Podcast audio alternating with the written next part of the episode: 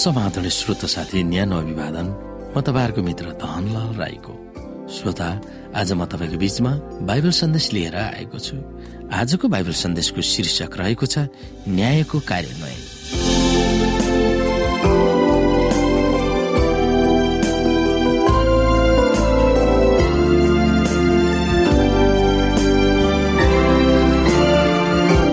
श्रोता परमेश्वर कठोर दण्ड दिने रिसा जस्ता उहाँका चित्रणहरू मध्यकालीन युगमा प्रचलित थियो। त्यसको विपरीत आज परमेश्वर मायालु उहाँका छोराछोरीहरूले जे जे गरे पनि त्यही गर्न दिने कहिले नसच्याउने दण्ड नदिने र पुल पुल्याउने पिता हुनुहुन्छ भनेर चित्रण गरेको देखिन्छ। तर न्याय बिनाको माया र प्रेमले मानिसको जीवनलाई लथालिङ्ग पार्दछ र कुनीति र अवज्ञा गरेर चल्ने प्रवृत्तिलाई अग्रसर गराउँदछ। र प्रेम बिनाको माया दमनकारी र निरङ्कुश हुन्छ। परमेश्वरले गर्नुहुने न्याय पद्धतिले उहाँ न्याय र दयालु सिद्ध मात्रामा मिसिएको छ। ती दुवै उहाँको बिना शर्त प्रेमको उपज हो। परमेश्वरले अन्तमा कार्यान्वयन गर्नुहुने न्याय निर्णायक र मानव इतिहासमा नउल्टिने कदम हो। विगतमा परमेश्वरले केही हदमा सीमित दण्ड दिनुभएको थियो। उदाहरणमा शैतान र उसका विद्रोही स्वर्गदूतहरूलाई स्वर्गबाट निष्कासन गरिएको थियो। आदम र हवालाई अदनबाट निकालिएको थियो। महाजलप्रलय सोदम र गमराको नाश मिश्र देशमा पहिलो जन्मेको मृत्यु र आनानियस र सफिराको मृत्यु। त्यसकारण मानव इतिहासको अन्त्यमा परमेश्वरले कार्यकारिणी न्यायको कार्यान्वयन गर्नुहुनेछ भन्ने कुरामा हामी अचम्म मान्न आवश्यक छैन। हामी विभिन्न बाइबलका पदहरूलाई ध्यान दिएर हेर्न सक्छौँ। परमेश्वरले अन्तमा कार्यान्वयन गर्नुहुने न्यायको बारेमा ती पदहरूले हामीलाई कसरी बुझाउँदछ? कतिपयले न्याय भनेको अनन्तसम्म जारी रहने हो भन्दछन्। तर ती पदहरूले न्याय भनेको सदाको लागि गरिने हो तर अनन्तसम्म भइरहने होइन भनेर कसरी बुझाउन खोज्छ यदि न्याय अनन्तसम्म जारी रह्यो भने बाइबलको विद्यामा त्यो न्यायको विकृति भएको देखाउँदछ। आउनु श्रोता हामी यहाँ हेरौँ पत्रुस दुई अध्यायको चारदेखि स्वर्गदूतहरूले पाप गर्दा परमेश्वरले तिनीहरूलाई बाँकी राख्नु भएन तर तिनीहरूलाई नरकमा फालिदिनु भयो। र न्यायका दिनसम्मको निम्ति पातालको अन्धकारमा जकडी राख्नुभयो। उहाँले प्राचीन संसारलाई बाँकी राख्नु भएन तर भक्तिहीनताको संसारमा जलप्रलय गराउनु हुँदा धार्मिकताका प्रचारक नुहा र अरू सातजनालाई सुरक्षित राख्नुभयो।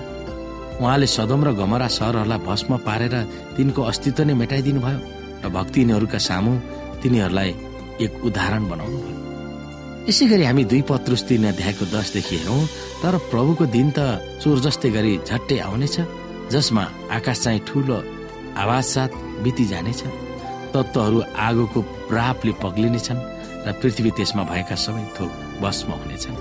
यसरी पग्लिन्छन् भन्ने जानेर पवित्रता र भक्तिको जीवनमा तिमीहरू कस्ता किसिमका मानिस हुनुपर्छ। तिमीहरू परमेश्वरको दिन प्रतीक्षा गर्दछौ र त्यस दिनलाई नजिक ल्याउन चाहन्छौ।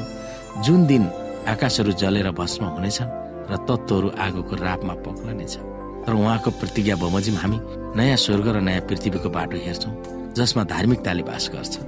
आफ्ना जनहरूप्रति परमेश्वरको हित चाहने र सहनशीलता धैर्यता करुणा र दया देखाइयो भने पनि उहाँका वचन वा आज्ञाहरूलाई अवहेला नगरेर दुष्ट भइरहने र खराबमा रमाइरहने पापीहरूलाई दण्ड दिन रोक्नुहुने छैन। परमेश्वरको पवित्र आत्माको विरुद्धमा जाने मानिस अपराधी हो। परमेश्वरले आफ्नो पुत्रलाई अपराधीहरूले जीवन परिवर्तन गरून् भन्ने हेतुले बलिको रूपमा दिनु भएर महान त्याग गर्नुभएको थियो।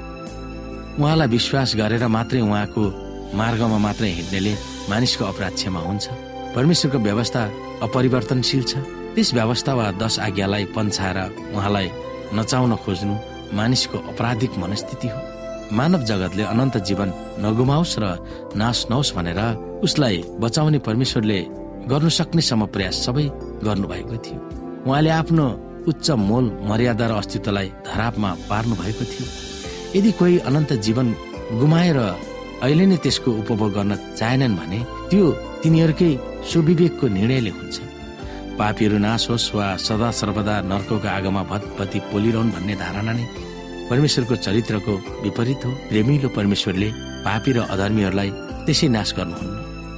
यो गलत धारणा हो कि पापीले पापमै रमाइरहेको परमेश्वर चाहनुहुन्छ। परमेश्वरको प्रेम र उहाँको प्रेमले मात्र उहाँ न्याय हुन माग गर्दछ। कोही नाश हुन्छ वा हुन चाहन्छ भने उहाँको निर्णय होइन। मानिसको आफ्नै निर्णयले हो। अन्तिममा श्रोता प्रत्येक मानिसले मुक्ति पाउन् भन्ने परमेश्वरको चाहनालाई कार्यान्वयन गर्न क्रुससम्मको कदमले उहाँको चरित्र वा स्वभावको बारेमा हामीलाई सिकाउँदछ।